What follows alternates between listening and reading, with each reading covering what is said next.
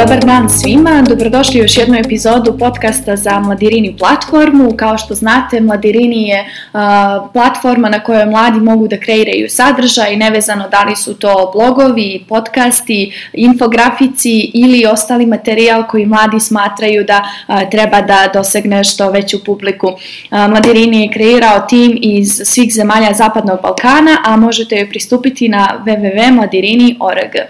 Moj današnji gost je Vojan, Vojin Četković, mladi evropski ambasador. Vojne, dobrodošao. Bolje vas našao.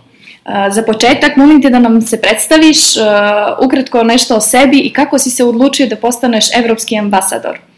Uh, još jednom, hvala što ste me pozvala. Uh, moje ime je Vojin Četković, iz Ucinja sam iz Crne Gore, imam 25 godina i završio sam fakultet za medije i komunikaciju u Ankari. To je ono osnovno što mogu da kažem. Uh, Uh, za mlade europske ambasadore saznao sam putem interneta. Vidio sam inicijativu, vidio sam prijavnicu i onda kad sam malo istraživao, pomislio sam ok, možda bih mogu ja da apliciram. Jer već sam bio na zadnjoj, četvrtoj godini studija, već je taj počelo razmišljanje o meni šta dalje, kako dalje, treba se vratiti za Crnu Goru, pandemija je u toku, stagnirao sam dosta dugo jer imali smo online nastavu, osjećam se nekako kao da, da, da neki svoj potencijal polako pro, ono, propuštam i kao da ne, baš ono stagniram, baš ono kao što sam rekao. I onda sam odlučio kao, ajde, zašto da ne, zašto da ne probam. Uh, znači, prije svega mogu da vam kažem nešto o mladim evropskim ambasadorima. Mladi evropski ambasador je inicijativa pokrenuta pri We Balkans platformi, tačnije platformi za proširenje i za analizu uh, zemalja Zapadnog Balkana, tačnije Crnogoru, Srbiju, Albaniju, Kosovo, Bosnu, Hercegovinu i Ma uh, Makedoniju, to je Sjevernu Makedoniju. Makedoniju pri čemu se nakon tog procesa e, biranja, apliciranja i svega toga što ide uz to, e, bira 60 osoba, po 10 osoba iz svake zemlje, od šest navedenih, to jest pet ambasadora i pet atašeja. E, šta još mogu da kažem? Znači, naš cilj i svrha evropskih mladih ambasadora, prema onome što su nam tada, što se ja tada ono, mogu da uočim kao neko ko će tek da aplicira, je bila da promoviše vrijednosti Evropske unije u zemljama u kojima djelujemo i s koji smo, ali takođe i da informišemo i da, da kažem, pokrećemo mlade u regionu da da se i sami upoznaju sa procesom integracija, sa a, koje su to povoljnosti i prilike koje nudi Evropska unija, kako sad prilikom apliciranja i potencijalnog apliciranja kao što je u slučaju Bosne i Kosova, tako i nakon integracija, što je ono što nam donosi Evropska unija, ne samo u zakonskom okviru i u zakonskom smislu, već i u, kao studentima, kao mladim ljudima, kao stvarovcima, kao umjetnicima i tako da generalno prema našim sferama interesovanja da nas uključe u sve to što Evropska unija nudi u okviru tih polja interesovanja, to je polja, polja djelovanja za koje smo se mi sami predijelili. I šta su, tvoje, šta su tvoje oblasti interesovanja? Šta je ono što te najviše zanima i na čijoj promociji u stvari aktivnosti kojima se ti baviš u okviru uh, mladih evropskih ambasada? E, inicijalno sam se odlučio za medije, kulturu, uh, film takođe, zato što su to dijelovi uh, svega onoga što sam ja studirao. Znači, pri fakultetu za mediju u Ankari imate i, to je komunikacija, imate znači, novinarstvo, odnose s javnošću, kinematografiju, tako i generalno medije, digitalne medije, tako da je sve to ono nešto zašto sam se školovao, što me interesovalo mnogo duži vremenski period još kako sam pisao fakultet i na čemu sam se usavršavao, a zatim tu je neka lična interesovanja kao što je sfera ljudskih prava, tačnije LGBTIQ prava, tako da su to neke osnovne osnovne sfere djelovanja sa koje sam se ja prijavio. Naravno, kasnije kad se prijavite i kad prođete kroz sve to, povuče vas i masa, povuče vas, povuku vas i kolegi, shvatite da možda imate neke sposobnosti i znanja za koje niste bili sigurni da imate, ali onako kroz grupne radove, kroz te online evente, sve to nekako počne da se razvija u vama i tako da mogu da kažem, sad su počeli interesu i čitav ono, proces evo integracija, položaj Crne Gore trenutnim integracijama i tako dalje i tako dalje. Mnogo više sam počeo s interesom za zaštitu životne sredine, jer smo imali baš divnih par eventa na tu temu, ali ovih koje sam naveo 3-4 su ono inicijalno I koje su to konkretno aktivnosti? Evo da uh, za našu publiku koja nas sluša da čisto malo približimo šta je to što vi konkretno radite. Pomenuo si neke online evente, odnosno događaje, uh, da li su to radionice samo za vas, mlade evropske ambasadore ili vi pozivate i druge mlade ljude da vam se priključe? Na čemu se baziraju vaše aktivnosti? Okay. Otiče se na, na, na aplikaciju i na proces biranja, jer tako je sve krenulo. Uh, ja mislim da se negde oko 365 ljudi prijavilo, ako se dobro sjećam, iz ovih šest zemalja, što je dosta veliki broj za prvu godinu održavanja, to jest onako premijerno, da kažem, da. za premijerno, to jest inicijaciju projekta, tako da to je ovako velika brojka, onda smo imali taj proces nakon te video, video aplikacije gdje mi govorimo ukratko o sebi, o svojim interesovanjima, o svojim kvalitetima i man, dobro ne manama, to smo svi preskočili, to smo lijepo pakovali, ali kvalitetima. I onda smo imali drugi uh, krug gdje su birani oni koji su imali najbolju prezentaciju od svih nas, prezentaciju sebe to jest, od svih nas su birani za drugi krug gdje, su kasnije, gdje smo kasnije imali da uključimo i angažamo čitavu zajednicu ljudi koje poznajemo na društvenim mm -hmm. mrežama, gdje smo skupljali, skupljali lajkove, skupljali smo komentare, radili smo na promociji sebe i drugih nekih ambasadora, to jest ljudi koji možda nisu izabrani, jer opet to su bili neki ljudi koje znam konkretno iz Crne Gore, iz regiona, gdje mogu da kažem da se, znači, za nas ne mogu, ne mogu tačno koja je brojka koja je ušla u taj drugi krug, ali preko 80.000 lajkova je skupljeno, što je dosta velika ono, brojka, jer uh, se vršio, nije to, toliko lak bio taj proces lajkovanja, jer se trebalo se registruje, da se potvrdi mail, tako da mogu reći da je sasvim ono, baš pozitivno. U suštini ste vi morali da se angažujete u okviru da, svoje da, da. zajednice i prije nego što da, ste postali da, mladi da, nije to bilo dovoljno, nije to bilo dovoljno da mi samo pošaljemo i može like, zato što kažem, zato što je bilo malo proces, malo duži tog lajkovanja, tako da mogu da kažem da smo morali dosta često i da objasnimo. Ili neko ko je tipa poput mene koji studirao u Turskoj, koji ima zajednicu jednu baš finu razgrađenu tamo, tu je bio post na crnogorskom, post na engleskom, pa tražiš lajkove na turskom, pa onda objašnjavaš ljudima šta je sve to i kroz to objašnjavanje smo se mi sami informisali mnogo dublje zapravo što se mi to upuštamo. Što mogu reći jedna baš dobra organizacija za početak. Nakon toga već u septembru, početkom, to je 25. augusta je bila ta, taj online event gdje su ono, proglasili one koji su, da kažem, ajde, pobjednici. Odabrani. Odabrani, da, da ne kažem pobjednici, slučaj nadmeno, gdje smo na 60 to je 60 izabrani. Žiri je bio iz čitavog regiona, naravno, što kako mladih aktivista, tako i ljudi neki na položajima, tako i ovih iz Europske unije, iz tih komisija i to, te platforme V Balkans. I zatim smo već onda krenuli da se dodajemo na društvene mreže, polako da se upoznajemo, polako da se upoznajem sa kolegama iz Crne Gore, s kolegama iz, iz regiona, neki sam znao, neki nisam, i onda polako da pravimo plan šta i kako dalje.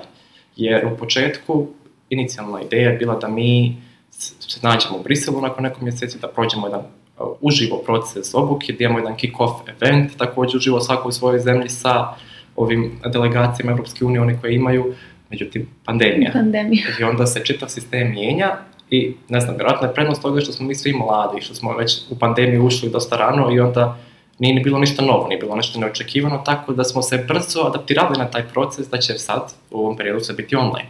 Sasvim nam to promotion nije palo teško, tako da smo prve evente naravno imali event upoznavanja. Znači, tu već kraj septembra, čini se oko 25. septembra, imali smo prve druženja online, upoznavanje. Umeđu vremenu smo jasnije definisali svoje polja djelovanja, svoje ciljeve, malo su nam približili, još više su nam približili, to jest sam program, sam projekat, šta je, koju težinu ima, šta se od nas očekuje. Naravno, bitno da pomenem da se sve uradi na volonterizmu. Mm -hmm. Znači, mi imamo taj volonterski ugovor i sve je na nama. U suštini, koliko ćemo se angažujemo i hoćemo li ispuniti ono što se od nas očekuje, ono što smo sami sebi zadali kao cilj. Uh, nakon toga počeli su ti prvi eventi, to jest online webinari, da se mi, znači, da se mi ambasadori, podijelili su bili u grupe, neko prema svojim znanjima, neko prema svojim željama, satnici kako je moguće, imali smo, znači, kako da promovišemo sami sebe. Jer ne možemo da počnemo da promovišemo projekat i ne znamo ono čime se bavimo, ako ne prvo prije svega same sebe ne ispromovišemo i ne upoznamo zajednicu sa nama samima. Tako da smo krenuli s tim webinarima u početku, gdje su bili webinari o ono, prezentaciji na samim društvenim mrežama, kako da bolje, kad je bolje, znači, primjer, preglednost društvenih mreža, kad je bolje ono, interakcija na društvenim mrežama, kako je bolje da se prezentujemo, šta reći, šta raditi, šta ne raditi i tako dalje, gdje smo stvarno imali eksperte ponuđene iz same platforme i, iz drugih zemalja, europskih zemalja, iz Italije, Francuske i tako dalje, koji su nam dosta pomogli svemu tome. Neki od nas su znali, ja sam imao prednost jer dolazim iz medija, iz komunikacije, ali ima opet ljudi koji možda nisu imali Instagram u tog trenutka, nisu imali Facebook, nisu imali svoje profile, a sad već, evo ih imaju YouTube kanale, možda počinju neke svoje podcaste i tako da baš se vidi neki razvoj fini i fino smo bili motivisani na samom početku od njih da se bavimo svime time. I ukazano nam je kolika je bitnost sami projekata da smo mi vidljivi na društvenim mrežama. Jer, opet, naša ciljna grupa su mladi. Znači, gledam po definiciji mladi kod nas u 15 do 35 godina, i najviše ih je na društvenim mrežama. Pogotovo još kako je pandemija počela, svi su prešli na društvene mreže kao vid interakcije i mnogo više vremena se provodi tamo i onda smo mišali kako da stvorimo sadržaj koji će najbolje predstaviti nas, ali koji će biti u okviru onih vrijednosti koje mi promovišemo, koje su evropske vrijednosti. Tako da, kad smo prošli tu obuku, imali smo više, znači, od grafičkog dizajna, na primjer, kako kreirati svoje neke mini animacije, mini postove, da to lijepo izgleda onako svedeno, onda šta objaviti, šta ne objaviti, zatim, ono, postiču nas ne, da malo više istražujemo zapravo samim time u okviru svojih ono, interesovanja, da malo više se angažujemo, da malo više istražujemo, pa često da motivišemo jedni drugi za to što mi imamo tu jednu bazu koja, u kojoj sumiramo, to jest dodajemo te planove za kako ćemo šta objavljivati, dosta puta onako prođem kroz njih i pogledam i pa mislim ja kako je ovo ili ovo me divno, ovo mogu bih ja nešto slično sledeći mjesec. Tako da stvarno što se tiče kolegijalnosti, što se tiče te neke motivacije koje imamo jedne između sebe, baš je ono na nekom ono, na visokom stepenu i baš mi je drago zbog toga. Uh, nakon tih, hajde da kažem, webinara koji dalje traju, znači evo sad smo imali baš prije nekih deseta dana sa Galibom Nikačevićem, to jest o podcastima, kako snimiti svoj podcast, šta je potrebno, kako ući u samu priču podcasta, prednosti, mane i tako dalje i tako dalje. Tako da, nakon tih webinara, već smo počeli, imali smo webinar o kreiranju sobstvenih online eventa, evenata to jest, gdje smo mi nakon toga dobili svaku neku svoju sferu interesovanja, svoje online evente koje smo u timu uh, sa ostalim ambasadorima, po nas desetak do 12 je bilo podeljeno po tim eventima, po zemljama, po polu, po, da bi bilo što više onako zastupljenije, što veća vidljivost svih grupacija. Uh, počeli smo evente za sad već širu zajednicu. Znači, sad već prelazimo iz onih evenata za nas same, da sebe što više unaprijedimo do evenata da pokažemo prije svega koliko smo naučili, a možda zatim i da to primijenimo i da što da proširimo možda e, samu mrežu ljudi koji su upućeni u uh, sam projekat. Tako da već kasnije krećemo sa online eventima. Znači, tu je bilo raznih evenata, od kulture do zaštitne životne sredine, do mladalačkog aktivizma, do ne znam, medija, pismenosti i tako dalje i tako dalje, volonterizma, onda ne znam, edukativnih tipa poput kako da za aplikacije za neke grantove, za kako da pokrećete sobstvene inicijative, preduzetništvo i tako dalje i tako dalje. Sve, naravno, u okviru Evropske unije, kroz sve provlačeće Evropsku uniju, koje su potencijali, koje su prilike koje ona nudi, mm. što mi možemo da iskoristimo. Pa smo na tim eventima učili i za programe poput Erasmusa, poput Creative Europe i mnogih, mnogih drugih platformi i mogućnosti koje Evropska unija nudi mladim ljudima. Ali takođe i opet imali smo priliku i da pokažemo koje su to vrijednosti naših zemalja koje mi sa sobom donosimo u Europskoj uniji jednog dana kada postanemo članice. Odlično. Reci mi, e, pomenuo si više puta da, da su vam sve aktivnosti online, da, ste, da mladi inače koriste društvene mreže, da su izbog pandemije nekako ajde prinuđeni da koriste u većoj mjeri nego inače. Reci mi, e, da li e, misliš da Kako iz tvog ugla, budući da si završio fakultet koji je vezan za, za tu oblast komunikacije i sve, kako vidiš uopšte društvene mreže danas i mlade? Kad kažem društvene mreže i mlade, to govorim iz razloga jer je u našem društvu sve više vidljiv govor mržnje, uvredljiv govor na mrežama. Mi smo skoro pokrenuli temu, ajde da kažem neku debatu na nivou Zapadnog Balkana o tome da li uopšte društvene mreže treba regulisati. Kakav je tvoj stav po tom pitanju? Da li misliš da, da u neku ruku to treba i da li bi uopšte da li uopšte to može da se reguliše budući da znamo kolike su i te korporacije koje koje su, ajde, koje su vodeće poput Facebooka i Googlea, na primjer, koji je zadužen kao platforma da ih sve okuplja? Uh, samo, samo dovežem još, još minut ću ti uzeti. Uh, nismo imali samo online event, imali smo zapravo i unutar naših zemalja upoznavanje jedni s drugima koje je koliko moglo i naravno s onim delegacijama koji su izašli u susret imali smo upoznavanje sa predstavnicima Europske unije, sa ambasadorima Europske unije, tako da smo i mi u Crnoj Gori imali nedavno sastanak sa Kristinom Manopopom i stvarno je bio baš jedan divan i inspirajući uh, sastanak, tako da, eto, imali smo i neku priliku za druženje, ali na nivou država. E sad da se vratim ono što si pitala, uh, društvene mreže, pa ja mislim da uh, prisutnost mladih na društvenim mrežama u svojoj većoj količini pokazuje želju društvenih, želju mladih da nešto kažu. Znači, pokazuje koliko su mladi željni za nekom platformom gdje će se njihov glas čuti. To direktno vodi od uređenja naših zemalja, od država, gdje mladi su možda i dalje u nekom drugom planu što se tiče neke bitnosti toga što oni imaju da kažu, tako da uh, tražimo, tražimo neke alternativne izvore gdje ćemo moći da kažemo ono što mislimo. Tako da mislim da su u tom smislu društvene mreže jedno, jedna jako, jako bitna platforma. E sad, tu opet, opet dolazi do tog problema što ti spomenula i govora mržnje, imali smo event posvećen tome, imali, radili smo edukacije na širenju svijesti, kako spriječiti govor mržnje, kako ga prepoznati i tako dalje. I kao što rekao, edukacija, edukacija je ključ. Uh, ja kao neko ko dolazi sa fakulteta koji je u tom uh, reonu mogu lako da prepoznam i znam kako da odragujem, kako da iskuliram, kako da prijavim kad treba, kako da reagujem na govor mržnje i na uvredljive komentare, ali neko drugi ne, to ne može tako da možda dobro da prepozna, da filtrira.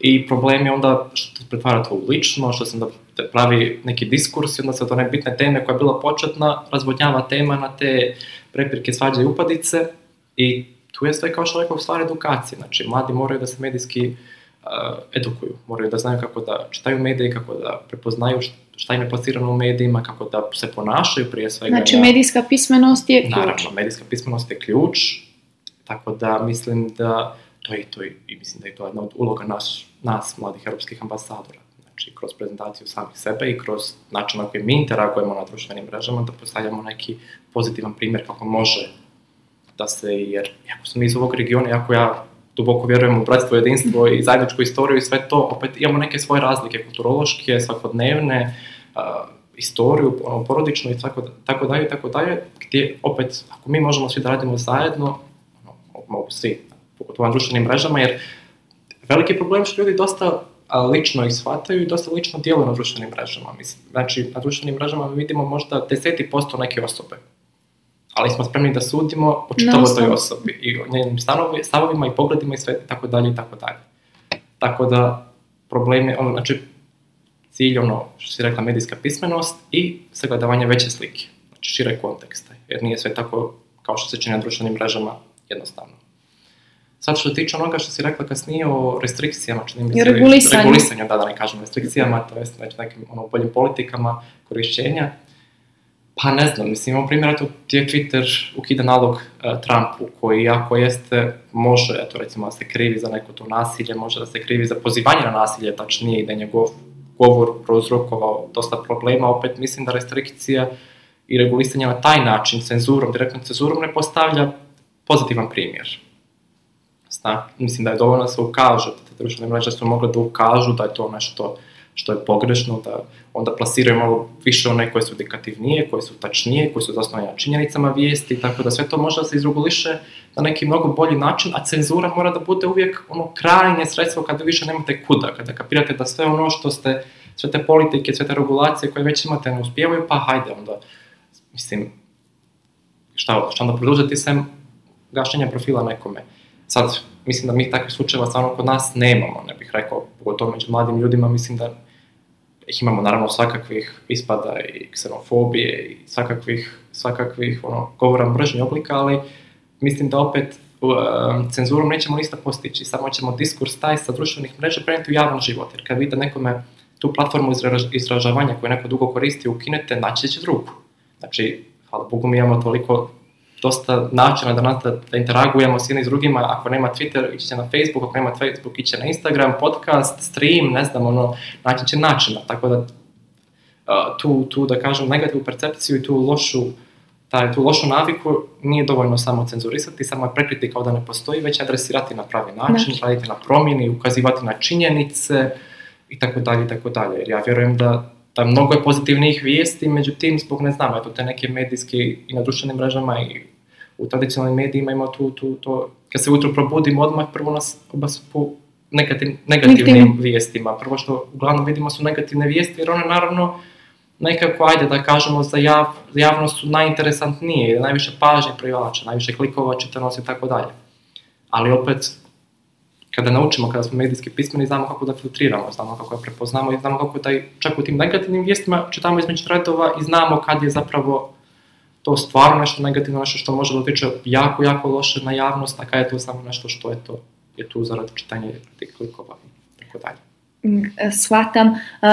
Medijska pismenost, rekli smo da je ključ, važna je ne samo za društvene mreže, nego čak i za sve ostale oblike medija i izražavanja. Drago mi je da si naglasio to kako je dobro što, ajde da kažemo, 21. je vijek, imali smo tu neku digitalnu transformaciju koju možda i dalje, ne možda, nego sigurno i dalje doživljamo i to što si naglasio da imamo sve više načina da se izrazimo, da kažemo ono što mislimo, ako nam ga se jednom mrežu možemo na drugu ili ako na toj drugoj neko nije dostupan, pronaći ćemo ga na trećoj.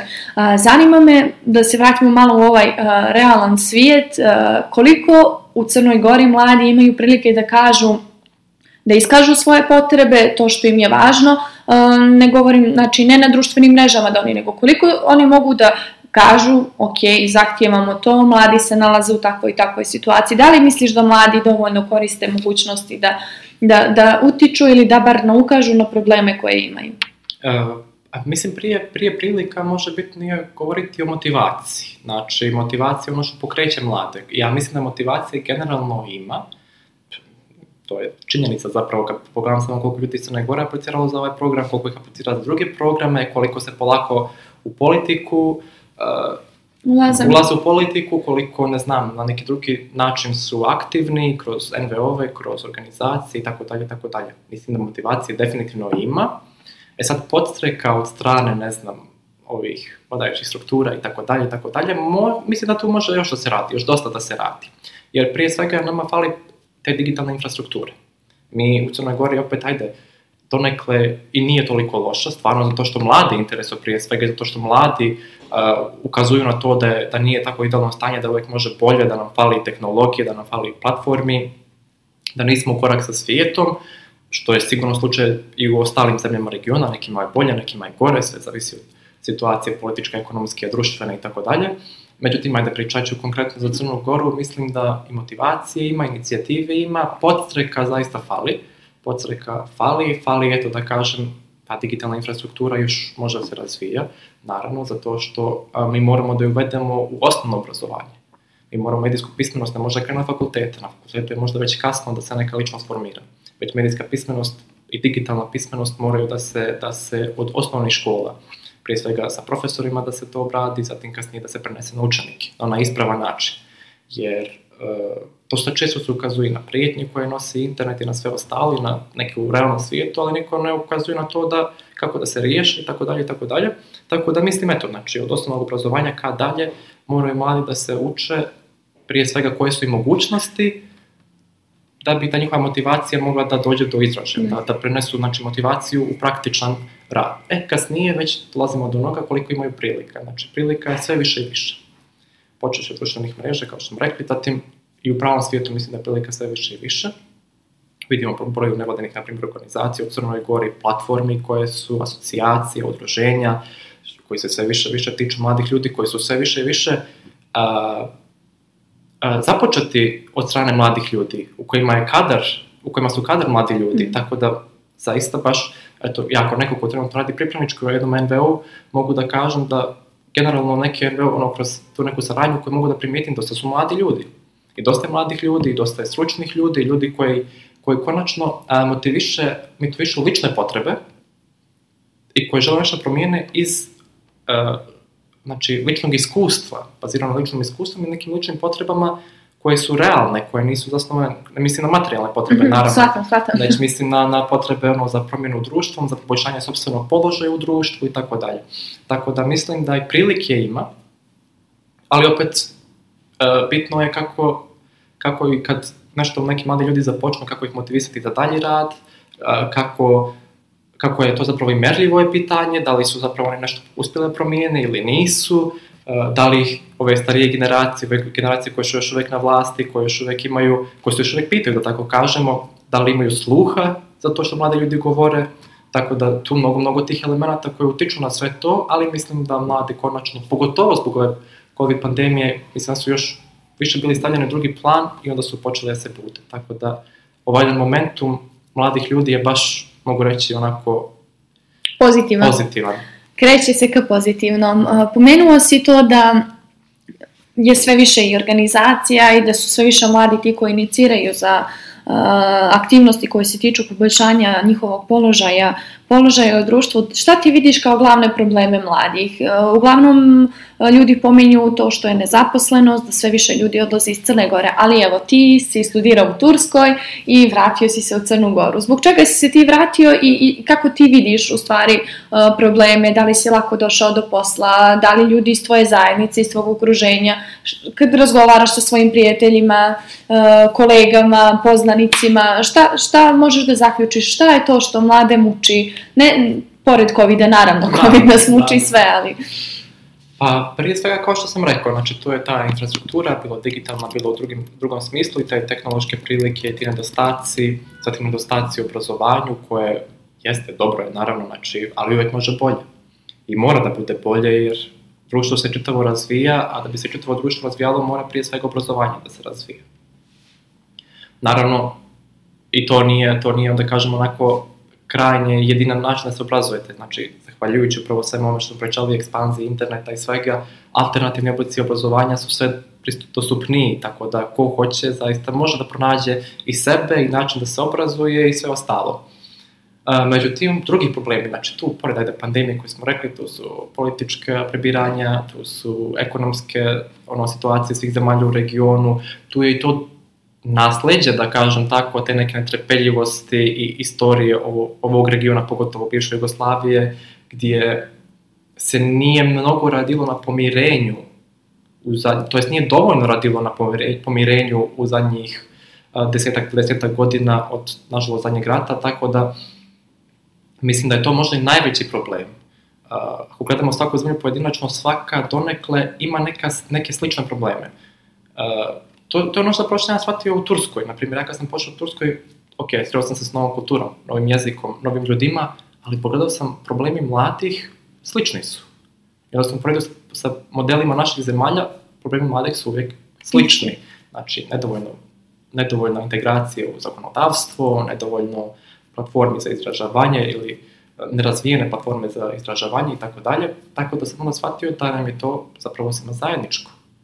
I onda znate, uvek u Turskoj bi me pitali kao, a, koje su, šta je ono što primetiš, koje su razlike među Crne Gore i Turske, šta je tamo drugačije? Ja baš nikad ne bih volio da pričam o tome u tom kontekstu, nego bih počeo kao od sličnosti. Jer kao mislim da je jako bitnije da postavljamo akcenat na sličnosti nego na naše razlike. Ja mislim da to put koji vodi ka pomirenju mladih u regionu koji inicijativu sigurno su pokazali, evo i kroz ovaj program Vi Balkans i kroz nas i različitih zemalja koji radimo zajedno, koji smo tu zaradi jednog zajedničkog cilja, i pored svih tih ono, mini drugačijih e, ličnih ciljeva.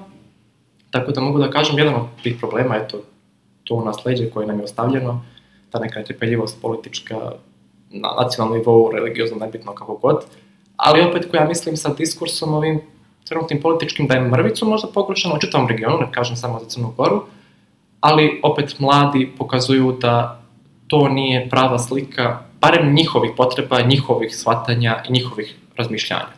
Znači, mladi su tu za pomirenje, mladi žele pomirenje, mladi žele da zajedno napredajemo ka dalje, tako da, da je to, da kažem, ajde problem na koji bi morali da obrate pažnju ovi, da kažem, ajde stariji, da malo više slušaju mlade, jer opet, što uvek onaj, vodimo se tim klišama, budućnost je na nama, na budućim generacijama i jako je bitno što mi njima ostavljamo, tako da mi smo dobili ovo nasledđe, veliki je problem, Ali ajde, siguran sam i ubijeđen sam da ćemo kroz ovakav projekat, kroz slične projekte mi prevazići u trenutku sve te probleme. Stastat ćemo i mi u taj godine za, za, za možda neko rukovođenje i za, da, da naš glas bude mnogo uh, čujniji, ali onda je bitno šta ćemo mi da stavimo, stavimo budućim generacijama i onda i da li, ćemo, da li će moja generacija i ono, mlađe generacije da integrišu sve više mlade ljude u procesu donošenja odluka, odlučivanja i tako dalje, ili ćemo da nastavimo ovu tradiciju koja je uh, što bih ja rekao, vodi sa tim dinosaurusima na, na pozicijama moći.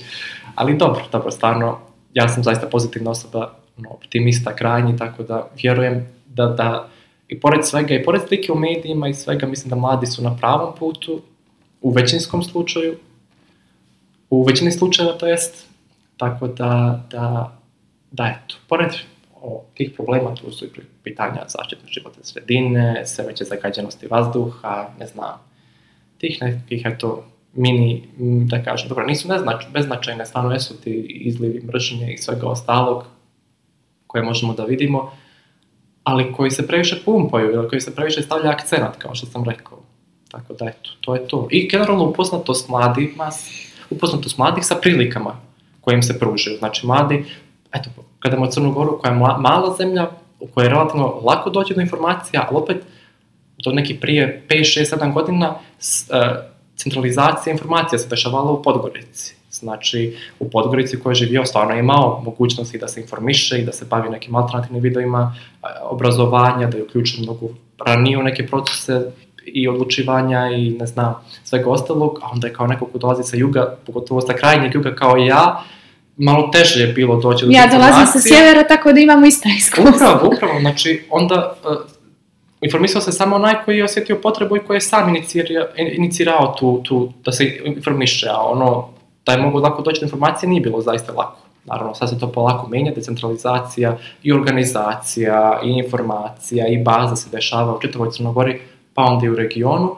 ali opet i dalje ne dovoljno velikom brzinom koja bi trebalo da bi se čitav onaj sistem i čitava ta sfera mladih uključila u sve to. Uh, pomenuo si nekoliko puta da mladi se polako bude, da, da su kre, pokreću, ajde da kažem, neke inicijative koje su vezane za njihov položaj u društvu. Crna Gora je na putu ka Evropskoj uniji. Zanima, dobro, tvoj stav, shvatam, prijavio si se svakako za projekat, širiš evropske vrijednosti, radiš na aktivnostima kako bi se te vrijednosti promovisale, a da li misliš da u Crnoj Gori mladi podržavaju put Crne Gore ka Evropskoj uniji? Da li misliš, iz tvoje perspektive, kako ti to vidiš? Zaista smatram da u Crnoj Gori nema jako, jako je mali procenat ljudi koji se zaista protive ulasku Crne Gore u Evropskoj uniji. Mi imamo grupaciju ljudi koji su koji žele i koji podržavaju to, put mene samog, i imamo grupaciju ljudi koja nije dovoljno informisana, koja ne zna šta Evropska unija donosi Crnoj Gori i šta mi možemo da očekujemo od Evropske unije, šta ona očekuje od nas i tako dalje. E tu je onda bitno, znači tu mi dolazimo, ono, stupamo na snagu i tu, znači, je bitno da nas koji interesuje, koji smo malo upoznati, malo više upoznati sa svime time, da utičemo pozitivno te ljude, da širimo informacije. Znači, potreban nam je transparentniji, daleko transparentniji proces integracija da bismo mogli da ostvarimo tu idealnu, da kažemo, podršku. brojku i podršku pristupanju Crne Gore u Evropsku uniju, koji mislim da će biti ostvaren kroz par godina, samo kao što rekao, bitno je kako... Ja se nadam da ćemo kroz par godina već biti u Evropskoj uniji. Pa ja se nadam, ja se nadam, ali opet tu, tu se ne završava proces integracija, tu ljudi često griješe i tu i mi sami evropski mladi ambasadori možda imamo neku tu nepotpunu viziju jer ono kao mi smo trenutno bavimo sa tim pristupanju Crne Gore, na primjer, i ostalih zemalja u regionu Evropskoj uniji, neki još nisu ne počeli proces pristupanja kao Bosna i Kosovo, tek će početi, tako da mi mislimo da se evropska integracija vrše do trenutka ulaska neke zemlje u Evropsku uniju. Međutim, tu tek počinje zapravo sve. Crna Gora, ja mislim da je stvarno na dobrom putu što se tiče tog zakonskog okvira, jer ono, počeli smo kad, znači 2010. smo mi otvorili, dobili smo status zemlje Prego. da, pregovarača.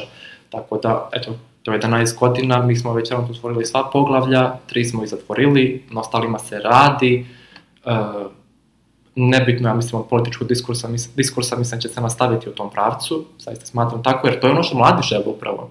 Znači, uh, uh, mladi ljudi su, ja mislim, pokretačka snaga evropskih integracija u regionu. I da, inicijat, i da inicijativa mladih ljudi, ono što podstiče uh, ove vladajuće strukture u svim zemljama u regionu, da, uh, da, da se taj proces integracija vrši što brže jer nudi veliki broj prilika i ono, mislim da će zaista po, poboljšati standarde u društvu i u Crnoj Gori i u ostalim zemljama, ali opet da se vratimo ovde na mlade, kao što rekao, znači imate dvije grupacije, jedni su, jedni su za, drugi nisu sigurni jer ne znaju tačno šta se nudi, tako da mislim da ciljna grupa i na samih mladih evropskih ambasadora je malo više na tim ljudima koji ne znaju tačno šta žele. Da bismo njih pogurali kao ovoj grupi koja žele koji... da uđe u Evropsku uniju jer eto. Koje su to aktivnosti koje ćete vi da sprovodite u nekom narednom periodu, on ovako za kraj, u kontekstu priče da, da je jedan od vaših zadataka da upravo informišete te ljude, pa eto, samo za kraj da nam pomeneš neke od vaših aktivnosti, šta su to mladi evropski ambasadori pripremili za naredni period? Pa nadamo se da će uskoro pandemija da se smiri, da se stiša, da prođe, nadamo se i da ćemo moći da to, te stvari koje smo online realizovali da realizujemo i uživo, da širimo mrežu možda i mladih hrvatskih ambasadora u zavisnosti od, tih, od situacije, da nastavimo da organizujemo ove evente su se pokazali kao uspješni. Znači, evo, već danas imamo i sledećih par dana o online aktivizmu, koje, koje su prednosti manje upravo ono što mi pričali medija i svega toga i online platformi.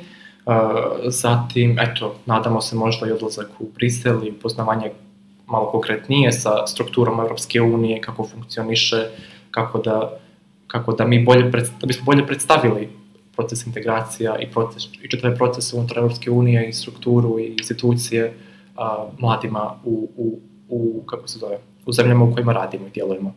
Pored toga, naravno, tu smo da razvijamo društvo i zajednicu u kojima se krećemo, da ukazujemo na probleme sa kojima se susrećemo, što smo već počeli da radimo svako u svojoj zemlji kroz neke inicijative jer stvarno nas dosta podstiču, moram da priznam, moram da kažem da nas kroz ovu platformu dosta podstiču da mi uh, pratimo situaciju u društvu, pratimo situaciju u zajednici u kojoj se nalazimo i gledamo kako da je poboljšavamo.